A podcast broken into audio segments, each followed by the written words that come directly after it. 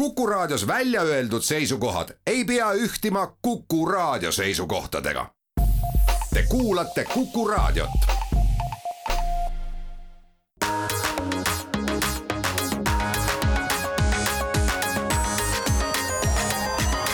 digitund tere hommikust, head Kuku raadio kuulajad, on esmaspäev, kaheteistkümnes detsember ja Digitund alustab. stuudios on meil Mait Tafenau, Indrek Vaheoja ja Andrus Raudsalu ja täna on meil terve ports külalisi. räägime nendest siis äh, järjekorras, nii nagu nad meile ilmuvad ja saate esimene veerand äh, on traditsiooniliselt pühendatud turvalisusele aga äh, nüüd hoopis teise kandi pealt, et kui me tavaliselt räägime küberturvalisusest, siis, siis täna räägime sellest, kuidas oma elu saaks turvalisemaks muuta, kasutades tehnoloogilisi vahendeid ja meil on külas äh, Transpordiameti liiklusjuhtimiskeskuse juhataja Siim Vaikmaa ja taristu ehitamise ja korrashoiu osakonna juhataja Andres Piibeleht. tere hommikust! tervist! ja, ja, ja võib-olla alustame siis sellest, et et kuidas täna äh, saaks kasutada neid tehnoloogilisi vahendeid, mis meil juba on selleks, et, et, et vältida kõiki neid õnnetusi, me teame, et möödunud nädal on, möödunud nädalad isegi on meile toonud tegelikult pidevalt meie suurmaanteedelt äh, noh, selliseid suhteliselt äh, kurbi sõnumeid sellest, kus ikkagi on, on toimunud traagilisi liiklusõnnetusi. kas täna on mingisugused vahendid, kuidas inimene saaks juba oma nii-öelda kodust välja minnes oma teekonda planeerida või, või, või midagi ette võtta ja kasutada tehnoloogiat nutikalt? selleks, et olla turvalisem? ja et esimesena ma tooks välja kohe ikkagi meie siis selle liiklusinfoportaali Tark tee, et tarka teesse jookseb meil kokku info erinevatest infoallikatest ja talvel siis eelkõige on seal hea vaadata meie teele paigaldatud teelmajaamade äh, näite teelmajaamadel on erinevad andurid, kus, mis muuhulgas siis tuvastavad tee seisu, saju liiki, saju tihedust, tee temperatuuri ja erinevaid muid parameetreid. Ja tee ilma jaamade juures on ka teekaamerad, mis edastavad siis teekaame-, tee, tarka teesse fotosid, tee siis pinnast, eks sealt saab siis ka niisuguse hea visuaalse pildi, et millised teeolud on ees ootamas. Äh, lisaks äh, tarkateesse äh, tuleb veel erinevates kohtades infot kokku, näiteks häirekeskusest tõsisemate avariide puhul avarii asukohad jõuavad nii-öelda ikoonina tarka teesse, siis on meil liiklusloendurid suurematel maanteedel. kui siis see kiht aktiveerida targas tees, siis näeb sealt viimase viieteist minutiga keskmist kiirust ehk siis, et kui keskmine kiirus on oluliselt langenud, et siis see ka viitab sellele, et teeolud on keerulised no ma vaatan ise siin Tarktee äh, leheküljelt praegu, et hästi palju on Eestis selliseid kollakaid, kollakasrohelisi ringikesi, kus on hüüumärk sees, et puid on palju teedele langenud. see informatsioon jõuab kuidas? see informatsioon jõuab täpselt samamoodi selle häirekeskuse üks, kaks, neli, seitsme kaudu ja ja tõepoolest jah, täna niisugustes äh, keerulistes tormioludes on just see ka puude kukkumine tee peale aktuaalne, vaata et isegi veel aktuaalsem kui see libeduse teated, et tegin hommikul siin kella kümne paiku niisuguse väikse väljavõtte, et mis siis olid need koguseliselt, et siis äh, ongi umbes täpselt pooleks, et oli siin üks kuuskümmend teadet, kolmkümmend ja kolmkümmend vastavalt siis libeduse ja vastavalt mur-, kukkunud puude kohta ja mina vaatan, mina vaatan ka, ma samamoodi sirvin huviga seda targa tee kaarti ja vaatan, et ka Waze'ist on tulnud sinna päris kõvasti siis äh, sõnumeid, kas äh, kõik need sõnumid, mis Waze'i saadetakse, lähevad ka automaatselt kohe sinna üles või või on seal mingisugune filter ka vahel või? seal on filter ka, et, et siis sellised äh, hoiatused, mis on nii-öelda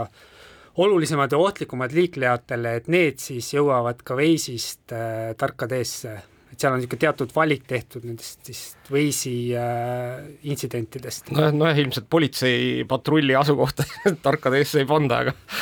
aga, aga jah, ja, ja, ja teine, ma arvan, mis on, mis on ilmselt väga väärtuslik, on see, et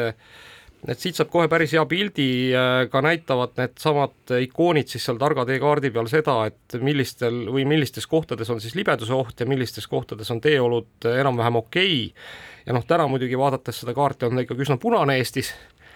nii et noh, tuleb olla ettevaatlik. Ma panen siia natukene niisugust lisaküsimusi juurde, mis on natuke teise nurga alt, et, et iseenesest on jõle lahe, et me saame sealt targast teest natukene nutikamalt nagu planeerida oma teekonda ja, ja see mõte, et, et noh, tõesti nagu kehvema sõiduki või võib-olla kehvemate sõiduoskustega tunnen ennast võib-olla ebakindlalt ja tahan targa valiku teha, et, et saan nagu ennem kontrollida ja planeerida. Ja noh, nüüd teades, et, et on ka niisuguseid kohti, kus niisugust infot on, siis ma näikin, et paar informatsiooni on seal siiski nagu minu jaoks puudu, et ma tegelikult ei märganud, et millal see tööhooldusmasin näiteks sõidab või kas ta üldse täna sõidab ja sellist informatsiooni, mida ma näiteks muudest riikidest õnnestus leida, et, et, et kuidas meil sellega seis on. millal tuleb olukord, kus ma saan näha ka, et millal hooldusmasin käib? jah, selles mõttes on asjakohane ja, ja aktuaalne küsimus, et et saame öelda, et asi on arenduses ja, ja võtame ta kindlasti fookusesse, et, et kas nüüd järgmiseks talveks ta tehtud saame Äh, aga vast ülejärgmiseks kindlasti, et nende IT-arenduste tellimine paraku ei, ei saa öelda, et see liiga ülemäära operatiivne on, et et põhjus võib-olla miks siis see, miks siis see protsess ei ole liiga kiire olnud, on äh, on see, et kui me kuvaksime jah, kõiki teehooldusmasinaid üle, üle, üle Eesti, et, et siin on olnud ka selliseid intsidente, kus on äh, tahetud sahajuht kinni pidada ja, ja, ja teha siis märkust, füüsilist märkust, eks ole, et et seda ei saaks mitte, ei tahaks, et see mitte juhtuks, et et võib-olla liiga palju sellist avalikustamist oleks halb, et, et siin peame lähenema selliselt, et siis see autojuht, olles tee peal, vaadates Waze'i rakendust või, või ka siis tarka teed, et ta talle jah, vajalikku siis seda äh, infot näeks, eks ole, et, et võib-olla mingisuguses teatud äh, raadiuses seda äh, olevat teehooldusmasinat, tervet kaarti. Aga kuidas juriidilise poolega on, et kas juriidiliselt poolelt on ka mingeid takistusi selleks, et miks inimesed ei, noh, ei saa näha seda, kas teehooldusmasinad on käinud või ei ole sealt mitte midagi, et tegu on ikkagi ainult sellise infotehnoloogilise probleemiga? rohkem jah, selle infotehnoloogiline küsimus, et tuleb nii-öelda kaks eh, pistikut omavahel siis ühendada, et et me siin Transpordiamet on omalt poolt siis teehoolduslepingutesse väiksed punktid sisse kirjutanud jah, et teehooldaja või et Transpordiametil on õigus siis neid GPS andmeid avalikustada või selle põhjal õigemini siis luua selline eraldiseisev kaardirakendus või aga no parandage nüüd, kui ma nüüd eksin, aga ega tänapäeval üldjuhul niisuguste teehooldajatega suuri lepinguid ei sõlmita, nii et nendel ei ole GPS jälgimist ju peal, et, et see vist on, ma olen aru saanud ka ikkagi osa sellest lepingust, et masinad peavad olema jälgitavad ja samamoodi see töö, mida nad teevad seal. jah, tõepoolest nii ta on, et Transpordiametile kui kontrollivale asutusele on, on siis need GPS andmed näha jooksevad Fleet Complete äh, rakendusse ja, ja sealt on võimalik siis äh, jah, tõepoolest kõigil nii traktoritel kui ka nende nõndanimetatud baasmasinatel, mis siis soola puistavad või kloriide, et nendel on kõigil GPS-id peal, et see on kohustuslik. ehk siis ise te saate jälgida ja te teate, mis see olukord täna teedel on, kui sagedasti need masinad käivad? jah, võib-olla oleks lihtsam rehkendada nagu kogu selliselt, et meil on kuusteist pool tuhat kilomeetrit riigiteid ja ja niisugune aktiivne,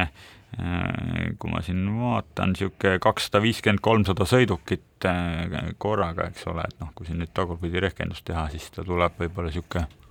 üks masin viiekümne kilomeetri peale, et noh, et kui meil on hästi-hästi keerulised olud, hästi palju tuiskab või, või sajab lund peale, et noh, siis jah, siis täpselt nii on, et et igale, iga kilomeetri peale seda äh, sõidukit ei jagu, mm. -hmm. ise ma tean, käin vahel maal ja siis ma alati on valida kahe maantee vahel ja siis ma ikka vahel piilun ja mõtlen, et huvitav, kumba pidi mul täna mõistlik oleks minna, aga ma vaikimisi eelistan seda suuremat, sest ma eeldan vaikimisi millegipärast ilma ühegi faktile tuginemata, et selles hooldussagedus on suurem, mis siis, et liikluskoormus on suurem olnud, aga rohkem kuidagi hooldatud. Ja tõepoolest nii see on, et, et suuremaid teid hooldatakse sagedamini ja kui sinna targa tee juurde tagasi tulla, et, et kui siin vasakul pool menüüs niimoodi kruttida, et siis on need seisunditasemed, et ka nähtavad, kui see kist sisse lülitada, et siis näeb, et kus siin on see kõrge, keskmine või madal seisunditase. tõsi, äh, kui sõita jälle väiksema tee peal, noh, täna see ei ole asjakohane võib-olla, aga et aga siis, kui liiklussagedus on väiksem, on hea rahulik enda tempos minna, et et see on vaatenurgaga küsimus, jah. ja ma lisaksin siia veel juurde, et niisugune huvitav uuem kiht on ka nüüd targast ees, mis siis näitab, mis on hetkel meie elektroonilistel kiirusmärkidel kohatav kiirus. Neid meil tuleb ka tasapisi kogu aeg juurde ja siin noh, Tartu maantee kaks pluss kaks ja siin Pärnu maantee kaks pluss kaks, et, et kui see kiht siis aktiveerida, siis näeb, et mis see kiirus on ja millal ta viimati muutus, et see annab ka niisuguse indikatsiooni, et millised need teeolud siis on, et, et see kiirus on eh, rasketes oludes kindlasti madalam, kui ta tavapäraselt on. ja näiteks mina, ma just vaatan siin äh, Tartu maanteed ja Tartu maanteel mulle tundub, et on hetkel vist kaheksakümmend kilomeetrit tunnis soovitatav kiirus, viimati muudeti kell üksteist null viis, nii et äh, täiesti operatiivne info ja noh, ilmselt see, et, et äh, maanteel, kus ikkagi suvel saab kihutada saja kahekümnega vist, kui ma ei eksi, siis äh, kui seal on kaheksakümmend, siis see on ka päris hea näitaja sellest, et mis teeolud on. kusjuures lifehackina ma soovitan noh, kõigil neil, kes planeerivad mingisugust sellist äh, noh, oma reisi, siis vaadake kindlasti ka neid, just neid teekaameraid, millele sai viidatud, et, et kui te näete seda pilti, siis teil tuleb päris hea ettekujutus sellest, et et mis siis seal tee peal toimub, noh, minu arust täna on üks niisugune kõige võib-olla iseloomulikum näide on üks äh, Saaremaa teekaamera, mis mille, mille pildist paistab ainult väikene osa ja ülejäänud on lihtsalt suure lumekihi all, nii et, nii et siis võite ise ette kujutada, mis seal teel toimub. no aga selliseid päevi üldiselt ikkagi ette tuleb meie laiuskraadil ja, ja mina arvan, et täna on paslik hoolimata sellest, et Mait siin ütles, et noh, et oleneb su autost ja juhtimise oskusest, ikkagi neid öö, hoiatusi tuleb tõsiselt võtta ja, ja ikkagi, kui vähegi võimalik, siis päeva teises pooles eriti liiklemist vältida. aga suur aitäh, meil olid täna külas Siim Vaikmaa ja Andres Piiveleht ja loodame, et täna ja ka edaspidi talvel siis Eesti inimesed liiguvad turvaliselt, aga meie läheme siit reklaamipausile.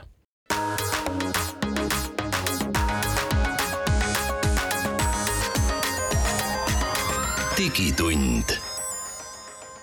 digitund jätkab siit oma teise veerandiga, stuudios on Mait Tahvenau, Indrek Vaheoja ja Andrus Raudsalu, et meie külalised Transpordiametist saatsime jällegi eh, teedega tegelema ja vaadake siis kõik ikkagi tarktee.ee. ja täna ikkagi, kui vähegi võimalik, siis äh, jääge koju. jääge koju ja, ja ärge, ärge siis minge liiklusesse ja, uitama. ja olge turvalised. aga lähme siit nüüd äh, tavapäraste uudiste juurde ja, ja toome siis kiiresti teile möödunud nädalal toimunud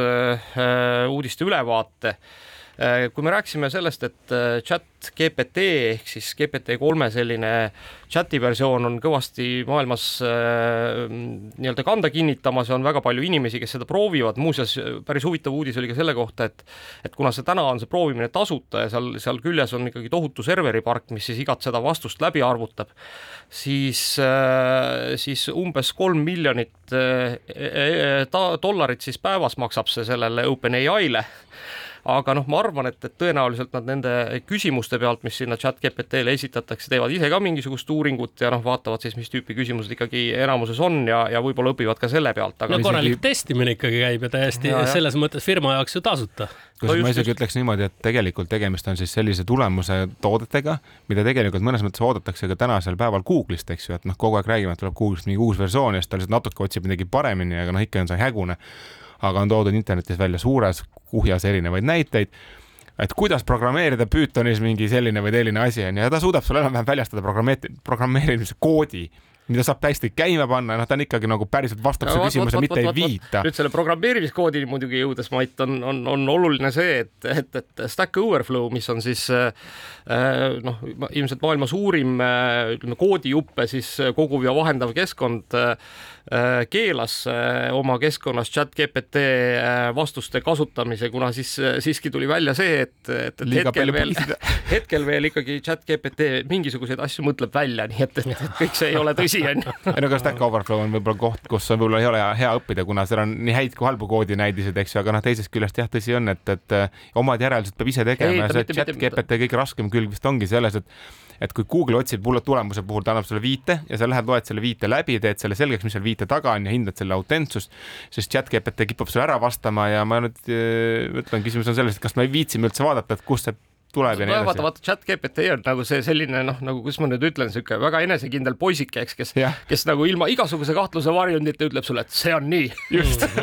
nojah, aga, aga kui me nüüd võtame selle, et. mis jätab mulje, et see kõik on tõsi. et kui sa käid koolis ja koolitöö endale internetist kopeerida, siis sa ju ka automaatselt ju ei eelda, et seal on kõik õige ja.... kusjuures tead, äkki see on meie koolisüsteemi viga vaata, me õpime, sest õpetaja on tark, tausta teda, targem inimene teab, mis ta räägib, jäta meelde, ära küsi, eks ju, aga tegelikult internetis käies on vastupidi. kahtle kõiges, valideeri kõike, kontrolli kõike, mida sa loed. või siis on teistpidi niimoodi, et äh, paljud eeldavad, ah, et õpetaja on rumal, ta nagunii ei kontrolli, ükskõik, mis ma sinna kirjutan, eks ole. et äh, noh nii, nii on. nii, kuulge, aga lähme siit edasi, et, et, et päris põnev uudis ausalt öeldes saabus Amazonilt nimelt siis Amazon on avastanud, et nende laorobotitel, mida siis äh, tuleb aina rohkem ja rohkem juurde ja kõikidesse ladudesse, on siis üks äh, samasugune probleem nagu inimestel, et äh, nimelt kui nad peavad siis ära tundma mingisuguse kastikese, kus sees on mingi toode ja noh, enamasti siis vanasti käis see triipkoodi järgi, et vaadati sealt kasti pealt seda triipkoodi ja siis saadi aru, mis toode seal sees on, siis tuleb välja, et nii nagu, nii nagu inimestel on keeruline kasti käes keerutada ja aru saada, et millise, millise nurga taga siis see triipkood peidus on, eriti kui ta on kuidagi kunstlik kunstiliselt lahendatud või see kast ei ole nagu päris kandiline, vaid on mingisuguse erilise kujuga, siis samamoodi on see keeruline ka robotitel, nii et erineb robotitest väga palju. ja selle tõttu. jube kummaline ausalt öeldes, sest vaata tavaliselt arvutitega tehes me just otsime standardeid, eks ju, et mul oleks lihtsam, et, et olgu, ma keeran küll seda kuupi, aga ma leian sealt mingi tuttav elemendi ja skännin selle ära, et huvitav, kas see probleem on tõesti selles kunstilises lähenemises või see on hoopis ikkagi piirdub sellega, et et noh, tõesti need QR koodid on seal kehvasti leitavad. no vot, pagan seda teab, aga, aga igatahes probleem on, mida Amazon on siis asunud lahendama ja ma arvan, et noh, Amazonil on ikkagi suhteliselt hea ülevaade kõikidest kastidest, mis maailmas liiguvad või karbikestest, et, et. lihtsalt kui sa mõtled, kui kallis on vaata QR koodi skänner, eks ju, noh, ta ei ole odav, korralik QR koodi skänner, aga kui palju arvutusvõimsust on vaja, et ma suudan ära skännida terve karbi ja keerutada seda näpu vahel, eks ju. no vot, ega nüüd ja küsimus, räägime, küsimus, küsimus on vist me selles. me räägime ka joonkoodist, mitte QR koodist kohe veel, mis on veel nagu samm ju kergem. just, aga siin on nüüd küsimus selles, et, et, et tõenäoliselt ei pea see robot mitte seda karpi käe vahel keerutama ja siis selle karbi ära skännima, aga ilmselt on seal mingisugune teine masinnägemise algoritm, noh, kus need karbid siis jooksevad kuskil lindi peal ja noh, tõenäoliselt sealt siis kuidagi sealt lindi pealt on siis üritatud ka nagu äh, neid triipkoode lugeda, aga, aga nüüd siis äh, noh, vaadatakse karbi kuju, kujundust, värvi, noh, ma ei tea, ilmselt on võimalik seal millimeetrites suurusi mõõta, eks, mida ju inimsilm ei taba ja nii edasi. ja, ja nii naljakas kui see ka ei ole, aga väidetavalt siis äh, on see Amazoni arendus jõudnud nii kaugele, et, et üheksakümne üheksa protsendilise tõenäosusega suudavad robotid siis ilma äh, triipkoodi kasutamata valida õige paki. vägev, aga Amazonil oli teine lahe uudis veel. see on küll vist, ma jällegi eeldan vaikimised ameeriklastele, aga et ühesõnaga Business Insider teadis, teatas siis mõni hetk tagasi, et et ühesõnaga, kui pehmelt öeldes Amazon äh, on valmis maksma teile raha selle eest, et nad jälgivad teie telefoni kaks dollarit kuus on see raha, mis pakutakse. et kas te olete valmis jagama oma andmeid kui teil makstakse noh, ma ei tea, siin on igasuguseid muid selliseid asju ka olnud, et, et noh, ma tean, et on paljud inimesed, kes panevad oma magamistuppa näiteks kaamera ja teevad seal ees midagi ja võtavad selle eest ka nagu mingit raha kuus onju. aga sealt saab rohkem raha üldjuhul. või noh, ma ei tea ka, kuidas. kõik teised teevad seda niikuinii, eks ju, aga ühel juhul on võimalik ka saada raha selle eest. ei no aga sul on võimalik endale spetsiaalne selline vana telefon võtta sahtlist ja, ja hakata igakuiselt Amazoni käest lihtsalt kaks dollarit saama, mitte millegi eest. noh, see on küll üks kõva teenistus onju. elektri peale kulub ilmselt rohkem raha. igal juhul on siin erinevaid variante, et Amazon Shopper Panel on see sõna, mida peaksite endale otsima ja uurige, vaadake, kes tahab ja võib-olla keegi saab meile pärast kirjutada, et kuidas tal siis läks ja kas raha tuli. No selle pealt tuleb muidugi ka makse maksta, ei maksa unustada. tõsi, tõsi, see on tulu. Räägib, räägib inimene, kes teenib äh, Spotify'st neli dollarit aastas. aastas jah. ja palju maksud on? Äh, ma kõik kogun, ma kogun praegu alles veel. Kuulge, aga, aga siis üks oluline asi äh, Chrome'i brauseri kasutajatele, keda meie hulgast on ilmselt rohkem kui pooled. Äh, nimelt siis äh, Chrome'i uues äh, versioonis numbriga sada kaheksa on siis Google teinud sellised uuendused, et, et, et siis kui teil on seal Chrome'is lahti rohkem kui üks tääb ja mida meil tavaliselt ikka on ja me kõik oleme olnud selle olukorra ees, kus siis nende tääbide arv Chrome'is ületab mingisuguse kriitilise piiri ja siis arvuti hakkab tegema sellist helikopteri häält, kuna noh, ta tahaks nagu õhku tõusta, sest ventilaatorid käivad saja kahekümne protsendise Äh, võimsusega. Ja nüüd siis on äh, viidud sisse kaks muudatust, nimelt äh,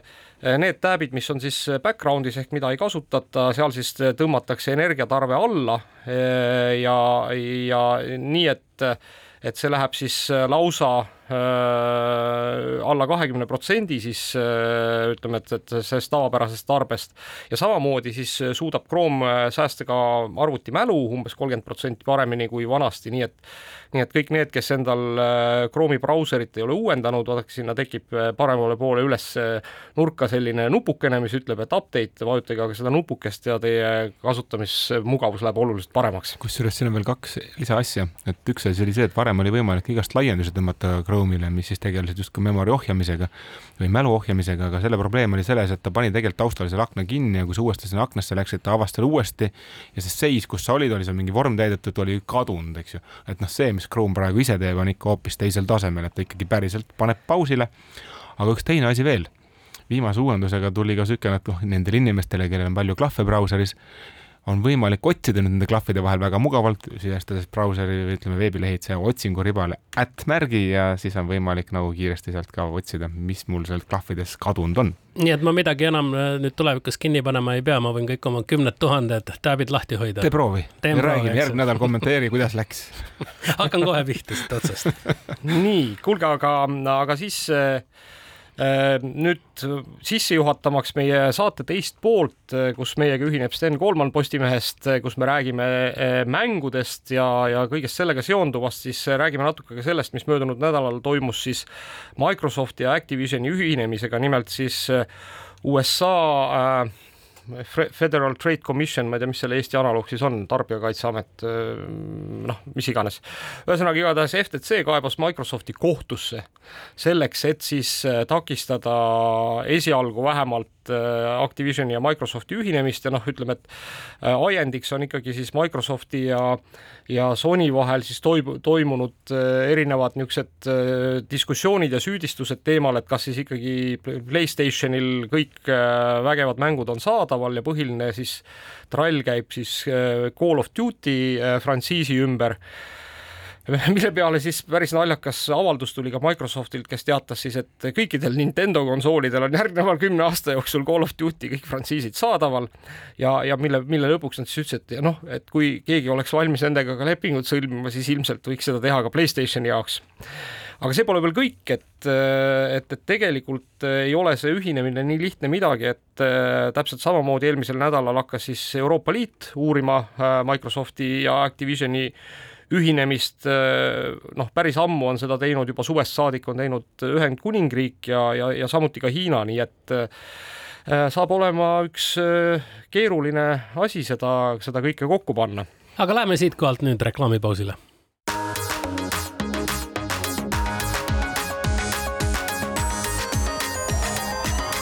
digitund digitunni selgroog on murtud ja alustame teise poolega ja nüüd on meil siis külas eh, Sten Koolman Postimehe tehnikatoimetusest ja ja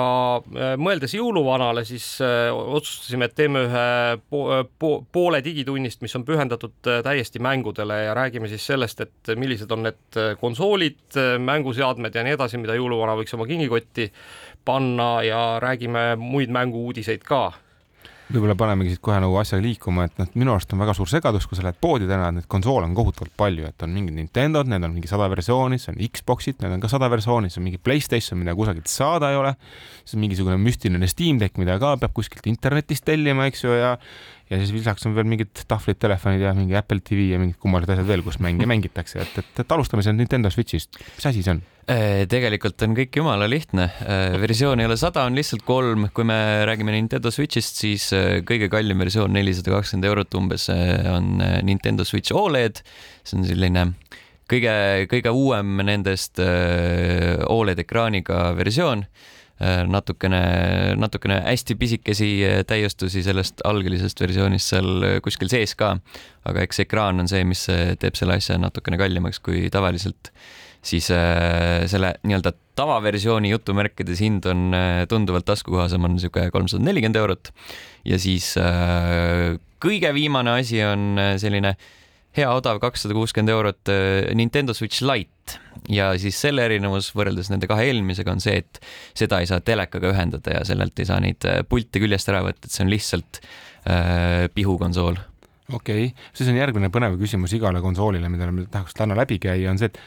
et väga vanasti oli ju kõik harjunud, et ostame neid mänge, mängud, mängukonsoolid olid kohutavalt kallid aga täna on olemas ka niisugune asi nagu kuutasuline teenus, olen ostnud endale konsooli, maksan selle kuutasu ära ja saan mingi hulga mänge, kas need on needsamad, mida osta saab eraldi, see on iseasi, aga mm -hmm. ikkagi kuutasu eest, mis on, maksab oluliselt vähem kui keskmine mäng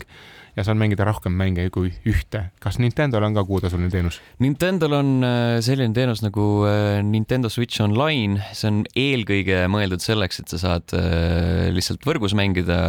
erinevaid mitmikmänge, aga selle odavama versiooniga nii-öelda, sest sellel on ka mitu astet, hästi paljudel teenustel on mitu astet. Äh, kõige nii-öelda selle tavaversiooniga, mis on niisugune kakskümmend eurot aastas tegelikult, mis on nagu kõvasti odavam kui kõik need ülejäänud, äh, siis nendel tuleb kaasa selline kogumik äh, retromänge Nintendo Entertainment System ja Super Nintendo Enter Entertainment Systemi pealt et, et seal ikkagi midagi on mängida, lihtsalt et need ei ole need äh, kõige uuemad äh, mängud, mis äh, nagu teistes teenustes võib leida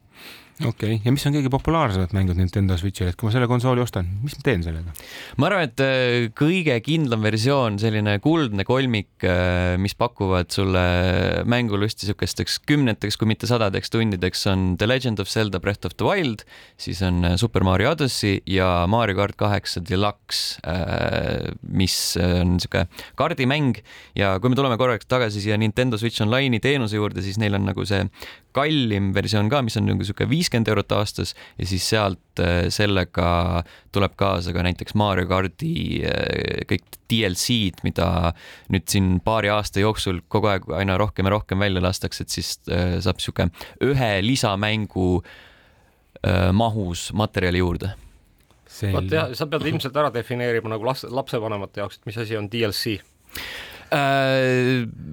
see osa, mis äh, kohe mängu ei jõudnud, mida hiljem äh, eraldi raha eest müüakse. Just ehk, ehk tegelikult see on nagu tänapäeval üks suhteliselt laialt levinud praktika, et, et praktiliselt kõikidele mängudele, noh just nendele, mida sa siis kuskilt nendest nii-öelda renditeenustest osta saad, noh, või ka Steamist, miks mitte, on ju, kus sa ostad tegelikult terve mängu, on ju, müüakse siis juurde noh, ütleme, et niisuguse ühe kolmandiku kuni poole mängu hinna eest nagu siis niisuguseid lisapakette, eks, mis laiendavad seda mängu oluliselt selge. no lapsevanem peab sellega arvestama, et kui, kui sa, no kui sa ise endale ostad, siis on okei okay,, et sa tead, et, et nagu oma hobi eest tulebki maksta ja see on okei okay.. aga lapsevanemale teadmiseks see, et, et, et sa ei, noh, et see ei piirdu selle kingituse maksumusega, et sul äh, lapsele siis võimalikult head mängukogemust anda, tuleb raha juurde käia mm. -hmm, mm -hmm täpselt nii. aga lähme edasi, Steam Deck, mis müstiline seade see on, see on ka siuke pihukonsool, eks? põhimõtteliselt jah, see on äh, siuke laias laastus kaasaskantav arvuti, äh, ta sarnaneb Nintendo Switch'ile natukene. Äh, sellega on nüüd selline case, et äh, seda saab internetist otse Steam'i enda poest, sellel on kolm erinevat versiooni. kõige suurem erinevus ongi see, et palju neil seal mälu on, et palju sa saad sinna mänge peale panna, on kuuskümmend neli giga, kakssada viiskümmend kuus giga, viissada kaksteist giga ja siis hinnad ka vastavalt sellele on äh, nelisada kakskümmend, viissada viiskümmend, kuussada kaheksakümmend eurot. kõige kallim on muuseas natsa parem ekraan ka. jah, natsa parem ekraan. aga ma olen Steamis tähele pannud, et vähemalt arvutil need mängud on kohutavalt suured, nelikümmend gigabaiti ja viiskümmend gigabaiti ja mm -hmm. siis ikkagi selle kuuekümne neljaga sa ühte mängu ühe mängu saad võtta. jah, no ei no sa võid äh, võtta hästi mitu niisugust väikest mängu, et äh, Steam on ju selline indie-mängude paradiis, kus sa saad panna, see on, ma arvan, et sada mängu ka sinna kuuekümne neljase peale ja no,. mina sirvisin seda platvormi ja ausalt öeldes tundus, et ka kõige lihtsamad mängud, mis vanasti olid enam paari flopi mängud, on seal ka kakskümmend gigabaiti, et kuhu see ruum kaob, ei tea. aga seal kuutasulist teenust vist ei ole? Steamis ei ole jah nii et see on nagu arvutimängud, põhimõtteliselt ostad, mida saad ka arvuti, arvuti, kui sul arvuti juba on, saad selle konsooli koju või reisile kaasa võtta ja saad mingit mängu seal taskus edasi mängida mm. -hmm nojah, Steam'i väärtus on see, et, et, et sa tegelikult ostad need mängud ühe korra, on ju, ja siis sa mängid seda kas konsooli peal, arvuti peal või noh, ma ei tea, seal on vist veel mingisuguseid veidraid eh, seadmeid, mis kuidagi Steamiga ühi-, ühilduvad moel või teisel, on ju. siin kusjuures üks väike asi on, et Steam'i kõik mängud vist ei tööta pihukonsoolis või? Äh, mõned tõesti ei tööta ja seal on äh, hästi palju siukseid erinevad kategooriad, ühed on nagu vägagi optimiseeritud selle peale, osad on sellised, kus sa pead natuke isegi midagi äh, näppima, et need tööle läheks, mõned võib-olla tõesti üldse ei taha nagu äh, koostööd teha, aga enamus töötab. enamus töötab, et üldiselt on ikkagi see ja, ja põhi, põhiküsimus vist, mis seal on, on, on ju tegelikult see mängu juhtimise interface on see, eks, et, et noh, et, et kuna seal konsoolil on ikkagi noh, need joystick'id, eks on ju, ja siis nupud on ju noh, siis mõnda asja juhitakse klaviatuuriga ja hiirega mm -hmm. ja Mhm. nii edasi, et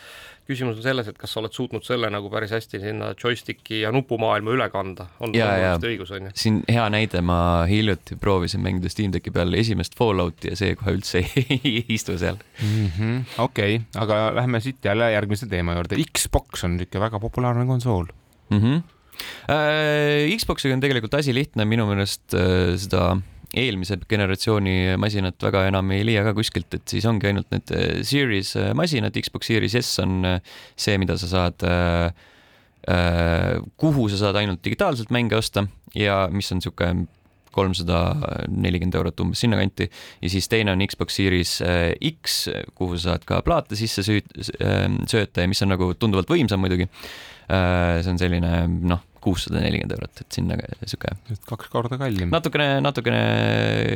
korralikum hüpe jah. aga mis on Xbox'i siis võib-olla nagu kuutasulised teenused? Siin eh, ei olegi midagi pikemat juttu, kui Xbox Game, Gamepass on see, mis äh, tasub osta, siin tõenäoliselt ei olegi mõtet soovitada ühtegi füüsilist äh, plaati, lihtsalt ostad Gamepassi, sa saad ligipääsu kõikidele nendele Xbox'i eksklusiivmängudele, mis neil on. Neid sealt teenusest ära ei võeta, et kui on nagu kellegi teise tehtud, siis need võivad sealt mingil ajahetkel ära kaduda või siis tagasi, hiljem tagasi tulla, et see on nagu selline Netflixi süsteemil pisut, et, et ei ole igavesti seal teenuses muidugi. aga see on selline. kuule, kuule, aga kui sa nüüd ütlesid, et, et, et on Series S ja Series X, eks, ja X-i sisse saab plaate panna, kas, kas tegelikult siis see, mis sa ka ütled, on see, et ei ole mõtet üldse seda X-i osta, et ostke parem S või on sellel X-il mingid muud lisaväärtused veel võrreldes S-iga? no ja see võimsus, et äh, Series S-i miinus on see, et ta ei suuda pakkuda nüüd seda kõige ilusamat pilti, et nagu see, see, mis sealt välja tuleb, on äh, igati adekvaatne, selline rahuldav, aga kui sa tahad nagu seda tõelist äh, pildiilu ja, ja kõige kõrgemat äh, kaadrisageduste resolutsiooni, siis on nagu X pigem okei okay,, aga igatahes ei maksa mõelda selle peale, et ostan kuhjaga plaate, topin need sinna sisse, vaid ostab enam Gamepass. pigem jaa, see on selline kolmteist eurot kuus ja sadu ja sadu mänge ja mis on kõige populaarsemad mängud?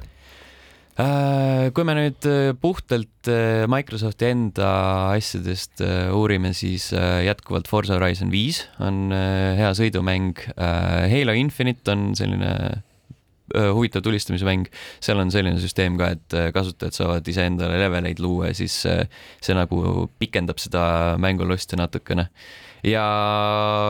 ütleme, et igasugused Betesta mängud, Doomid ja Falloutid, mis noh, et mis mingi Mulle- paar aastat mulle- tagasi mulle muidugi hakkasid nendele kuuluma. et, et, et liikudes sinna eelmisesse digitunni veerandisse, siis ilmselt Call of Duty on ikkagi ka üks selline asi, mille ümber nagu õudne jammerdamine käib terves maailmas. no näis, kas see jõuab sinna. kas ma teen õige järelduse, et kas Xbox ja Playstation on need konsoolid, kus enam-vähem kõik tootjad üritavad nagu ikkagi tulemuse välja panna või on ühel või teisel mingi eelis? mm,? pigem ei ole. Et mõlemad on tegelikult head valikud selles Jah. mõttes, kui ma tahan kindlalt seadet, kus ikkagi kõik popid asjad mängivad. noh, eks äh, Playstationi kasuks räägivad, et äh, need äh, hästi populaarsed eksklusiivmängud äh,, tegelikult võime ju kohe Playstationist rääkida, seda poest saada ei ole väga äh,, kui, kui mitte tahta muidugi maksta selliseid röögatuid summasid äh,, mis hakkavad kuskil kahesaja, kaheksasaja kuuekümnest eurost mõnes poes, aga see on selline selline koht, kus pigem soovitaks nagu oodata uut aastat, et võib-olla need äh, saadavused paranevad. mis Playstationi kuutasuline pakett maksab? Äh, vot see on see kõige keerulisem tõenäoliselt, sellepärast et see on ka selline kolmeastmeline asi. Äh, Playstation pluss Essential on see nii-öelda baaspakett, see on selline mm, üheksa eurot kuus. sa saad äh, võrgus mängida ja siis pakutakse sulle äh, ka paari lisamängu igakuiselt. mis on nagu sihuke noh jah, need on niisugused okei okay mängud äh,. siis on Playstation pluss Extra, see on selline neliteist eurot kuus, seal saab äh, ligipääsu juba su siuksele suuremale andmebaasile, seal on Playstation nelja, Playstation viie mängud ja siis lõpus on veel Playstation pluss Premium, mis on äh, selline seitseteist eurot kuus äh,. pakub veel suuremat seda baasi, seal on võimalik mängida veel ka PS3 mänge äh, striimides ja, ja siis on võimalik ka teatuid teoseid äh, nii-öelda natukene teistada, saab mingi sihuke tund-kaks mängida. selge, selge, nii et ühesõnaga kõige kallim konsool, kõige kallim kuutasu, aga ka kõige suurem valik, siis ma sain aru või? no nii ja naa, ma julgeks panna Gamepassi ja selle Playstation plussi suhteliselt samale pulgale kuulge, aga siin me peame vist korraks tõmbama oma jutule äh, vahe sisse, kuulame veidi reklaami, oleme mõne minuti pärast tagasi.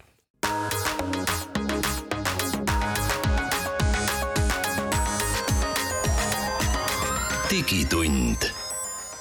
digitunni viimane veerand on siin, stuudios on Mait Tahvenau, Indrek Vaheoja ja Andrus Raudsalu ja külas on meil Sten Koolman Postimehe te tehnikatoimetusest ja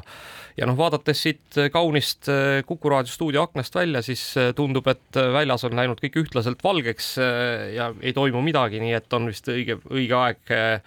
võtta ette mängukonsool ja, ja hakata mängima, et, et minna täna ilmselt kuhugi ei saa, kes veel juba läinud ei ole, siis parem olge, olge toas. kusjuures ma lisaks siia kohe ühe asja, et kui me ennem rääkisime erinevatest mängukonsoolidest, siis ma ütleks, et on huvitavaid seadmeid veel, et mida me ei ole ostnud mängimiseks, aga nagu telefonid, tahvlid ja muuhulgas ka Apple TV, eks ju, et noh, konsool, millest me ootame, et noh, saaks justkui mingit telekat vaadata, millega Eestis suhteliselt sisuliselt midagi vaadata ei ole, et seal sisuliselt Eesti teleasju praktiliselt noh, mitte kedagi sisuliselt ei ole, et ERR-il vist on rakendused siin, et kellelgi teisel ei ole. ja, ja ka sellega on võimalik mänge mängida ja mina pean ütlema ausalt, et kuna mul kodus see seade oli olemas, siis äh, kellegi mahitusel läksin poodi, ostsin ühe Xbox'i ja ühe PS5 puldi suurusjärgus viiskümmend kuni seitsekümmend eurot need maksavad, et päris palju võrreldes mängukonsooli hinna proportsiooniga. aga on täitsa võimalik mänge mängida ja ma saan aru, et Apple'il on ka üks teenus Apple Arcade, viis eurot kuus ja saan mängida päris suurt hulka mänge, pluss siis needsamad mängud, mis te oma telefoni tahvlisse olete ostnud, saate neid ka mängida, et meil pere mingis mängis siukseid huvitavaid mänge nagu mingi Leo's Fortune, siuke ilus nunnu, mingi karvapallikene hüppab seal ringi. Ja mis on lahe, et saad hukka, saad jätkata samast kohast, kus pooleli jäid, et lihtsalt sa ei saa oma mingit ühte eesmärki täidetud, mille nimi oleks, et saa hukka saamata lõpuni. Ja, ja niisuguseid nunnuseid mänge on seal veel ja sealhulgas ka näiteks mingi asfaltit laps mängis igavesti uhke graafika, ausalt öeldes ma ei oskaks kuidagi öelda, et see nüüd kehva oleks, et noh, võib-olla asi on minus, ma lihtsalt mäletan, kuidas lapsepõlves need pikslid nägid seal ekraani peal välja ja sellega võrreldes on tegemist ikka väga high-tech'iga. Ja eks äh, need, äh, just see asfalt on ja väga selline äh, võimekas mäng, aga automängude puhul ongi selline kentsakas, kentsakas nähtus, et need näevad tunduvalt paremad välja kui teised mängud, sellepärast et seal keskendutakse ühele konkreetsele elemendile. ja, aga üks asi veel, et äh, esiteks Apple TV ise, et see maksab sada seitsekümmend viis või kakssada eurot täna poes igavesti vinge seade iseenesest selle raha eest. ja mina olen ühe funktsiooni sealt veel avastanud, et kui sul on nurgas ka olemas arvuti, kellel on mängimisvõimekus paned sealt Steam'i tööle ja sealt Steam lingiga mängid üle võrgu suure teleka peal väga mugavalt mängu, et noh, seal on küll omad iseärased, esiteks peab telekas toetama mängurežiimi ja sa pead oskama ka Apple TV-s selle HDR-i välja lülitada, mis selle kiiruse kõik sealt ära äh, nudis, aga pärast seda täitsa nagu päris, et, et äh, minule kui võhikule tundus igavesti võimas ja vägev kogemus aga lähme siit edasi ühe huvitava kategooria juurde, mille nimi on mängude auhinnad kaks tuhat kakskümmend kaks. ja vaata just, ma just mõtlesin, et kui sa seal hakkasid kõvasti seda Apple TV-d ja siis äh, Apple Arcade'i kiitma, siis seal mängude auhindades vist äh, noh, on, on need mängud, mis, mis sinna Apple Arcade'i ei jõua või mida seal ei ole, et. no on arenguruumi vähemalt, kuhu, äh, kuhu pro poole proovida. aga, aga tõepoolest äh, tegu on ju ikkagi noh võiks öelda, et eh, noh, minu arust juba niisuguse Oscarite jagamise laadse sündmusega, et, et noh, kui vaadata ka seda kogu seda sündmuse produktsiooni ja see ei ole enam sugugi mingisugune selline noh, et, et kuskil äh, väikeses toakeses äh, mingisugused äh, kahtlased mängutegijad annavad üksteisele noh, suruvad kätt ja, ja, ja patsutavad õlale, vaid vaid tegu on noh, ma arvan ikkagi noh, ütleme selles mõttes ongi, ma arvan, et järgmine sündmus peale Oscarite jagamist, eks maailmas on ju ja, ja möödunud nädalal see tõepoolest toimus ja, ja räägime siis äkki nendest äh, mängudest, mis äh, võitsid, et äh, et ma saan aru, et aasta mängutiitlile käis päris tihe rebe, rebimine, Sten. Uh kas just väga, selles mõttes, et see oli kaugelt, kaugelt näha, et seal konkurentsis on ainult kaks teost et no just, aga äh, nende vahel toimuski kõva nende vahel jah, aga, aga üldiselt äh, selline üleüldine konsensus oli, et äh, et alates sellest hetkest, kui see teos ilmus, siis arvati, et see aasta lõpus ka võidab. Ja selleks oli Elden Ring, selline suur avatud maailmaga seikluslik rollimäng, mille eripära on see, et ta on ka esitab sulle suure väljakutse. et äh, God of War on äh, samuti hästi tore ja äh, hästi esmaklassiline, aga äh, kui Elden Ring äh, ütleme nii, et äh, innoveeris enda žanris, siis God of War Ragnarök oli põhimõtteliselt sama, mis eelmine osa, lihtsalt natukene, natuke, natukene parem ja aga, aga räägi, räägi äkki sa paari sõnaga tahad seda Elden Ringi kirjeldada ka, et, et, et ma tean, et noh, mina ise olen noh, oma Steam Decki peal siis üritanud seda mängida, ma ei ole, ma pean tunnistama, ei ole väga kõva mängija onju. et ma ikkagi noh, olen jätkuvalt seal õpipoisi staadiumis onju, et, et ma ei suuda. tutorial on alles pooleli. ja ma ei suuda sealt tutorialist läbi saada jah, ilma et mind maha ei löödaks. no aga praegu vaadates aknast välja, siis Andres, sul on täna hea päev. õhtuks selgeks nii, aga paari sõnaga sellest Elden Ringist. Äh, noh, mis seal on siis, ehm, kellele sellised mängud tuttavad nagu Dark Souls ja, ja Bloodborne ja muu säärane, siis juba teab, mida oodata võib, aga tegelikult äh, on äh, lihtsalt selline noh üks suvaline mehike liigub maailmas ringi ja absoluutselt iga vastane võib ta paari löögiga manale teele saata, mis tähendab seda, et tuleb uuesti algusest alustada või siis nagu sellest äh, nii-öelda salvestamispunktist, aga neid salvestamispunkte on hästi vähe. Äh, tuleb enda tegelast äh, niimoodi käigult arendada, uusi relvi leida. muidugi positiivne on see, et sa saad enda tegelast kujundada vastavalt valikule ja tema nii-öelda seda rünnakustiili, et kas sa oled natukene selline selja taha hiiliv, lükkad kaks pussnuga siukse sinna, kuhu vaja lükata. sinna, kuhu vaja lükata, jah. Ehm, või siis äh, käid äh, suure, suure mõõgaga ringi, mida on vaja kahe käega heita ja loopida ja, ja millega, mida lüüa ja, ja. samas ma olen näinud, olen jälginud mõningaid Youtube ereid, kes siis äh, mängivad Elden Ringiga absoluutselt ilma vägivallata, et põhimõtteliselt, kui sa alustad seal ka noh, ütleme sulle ka lihtsalt sihuke minimaalne riietus seljas, on võimalik see mäng läbi mängida ka noh, kavaldades ja hiilides ja peites, kulutades oluliselt rohkem aega selle peale ja ma ei tea, noh, kas see on lõbusam igalühel endal võimalus, aga, aga seal on ka täiesti ilma vägivallata võimalik see asi ära lahendada. kui mulle üldse veri ei meeldi, et kas midagi mul ka seal teha oleks eh, seal vist on võimalik ka see ilma vereta pilt. Eh, ta, ta, ta ei ole, ta ei ole nii hull, nagu sul mingis noh, päris shooter'is on, et, et nagu ikkagi veri nii jubedalt lendab. sa võid lihtsalt mööda seda maailma ringi käia, ma ei tea küll, kas sa kuhugi lõpuks jõuad, eks on ju, aga aga isegi GTA-s on võimalik lihtsalt linnu avastada, mis on lahe, et sõidad mööda mingit linna ringi ja avastad, et kuhu need tänavad viivad ja. Google Maps'is teha absoluutselt, mis on ka lahe ju. Elden ringis on see võimalik, et sul on hästi suur äh, ala sellest äh, veelgi suuremast kaardist on avastatav juba kohe eos, et äh, see ei ole kuskile koridori. missioonidega seotud. ja, et see ei ole kuskile koridori kinni pandud, et sa saad äh, minna kuhu iganes ja need erinevad alad on äh, ka suhteliselt sellised omanäolised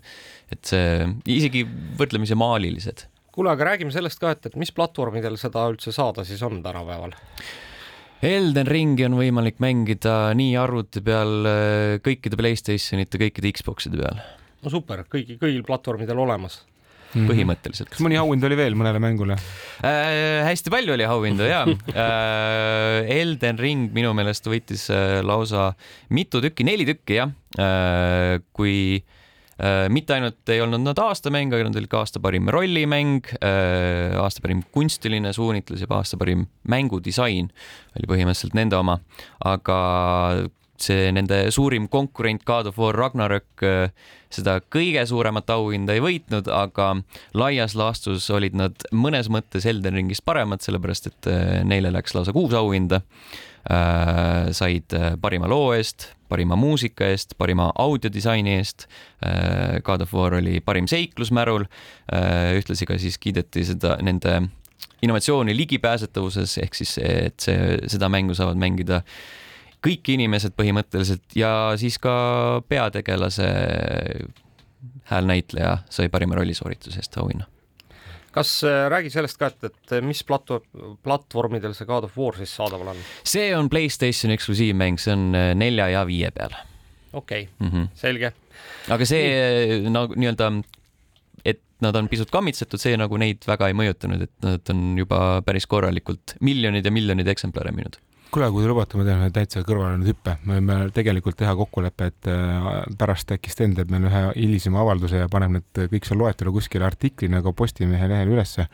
et saab need põhjalik-. Need seal juba on. super ja, ja see üks teine kategooria on veel mängudes, mis on hästi lahe, et mängud, mida saab mängida terve perega, et mängud ei ole üldse niisugune asi, et lähen nurka kuskile, olen omaette ja, ja ärge mind segage, vaid terve pere saab koos mängida nii tahvli kui telefoniga, eks ju, et, et loetleme mõned, eks.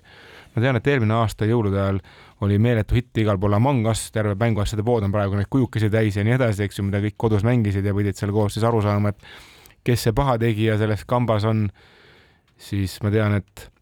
üks lahe lauamäng, mis on ka kaartidena saadaval Exploding Kittens, kõikide tahvlite, telefonide peal kõik koos saavad toksida, lihtsalt vahvalt kaarte mängida ja kui sul päris mängu ei ole, siis said seal tahvlis, telefonis väga niisuguse mõnusa kogemuse samuti. kusjuures, kusjuures noh, kui sa räägid lauamängudest, siis lauamängudest on tegelikult tehtud ju vähemalt noh, Apple'i universumis ütleme, et nendest populaarsematest lau-, lauamängudest nagu Carcassonne ja, ja, ja ja Katani asustajad ja noh, nendest on tehtud kõik ju need nii-öelda Apple'i versioonid, mida sa saad siis samamoodi mängida noh, kuskil oma sõpradega või, või, või koos Just. perega. kusjuures ma ütlen, et päris sama kogemus ma ikkagi tajun, et ei ole, ta on ikkagi nagu noh, mäng on ikkagi tahvel-tahvel, eks ju, aga, aga kui sul ei ole seda mängu ja tahad käpelt jõuluõhtul midagi toredat äh, mängida, siis miks mitte. aga muuseas, ma toon ühe, ühe niisuguse hindi veel, et äh, otsige sellist mängu nagu äh, Space Team, mis töötab siis kõikidel mobiiltelefonidel, olgu Android või või iOS äh, ma ei hakka, ma, kuna saade hakkab meil läbi saama, siis ma ei jõua enam kirjeldada, mida seal teha saab, aga jäägu see teile avastada, nii et äh, saade on läbi, aitäh sulle, Sten, ja kohtume juba kuulajatega järgmisel korral.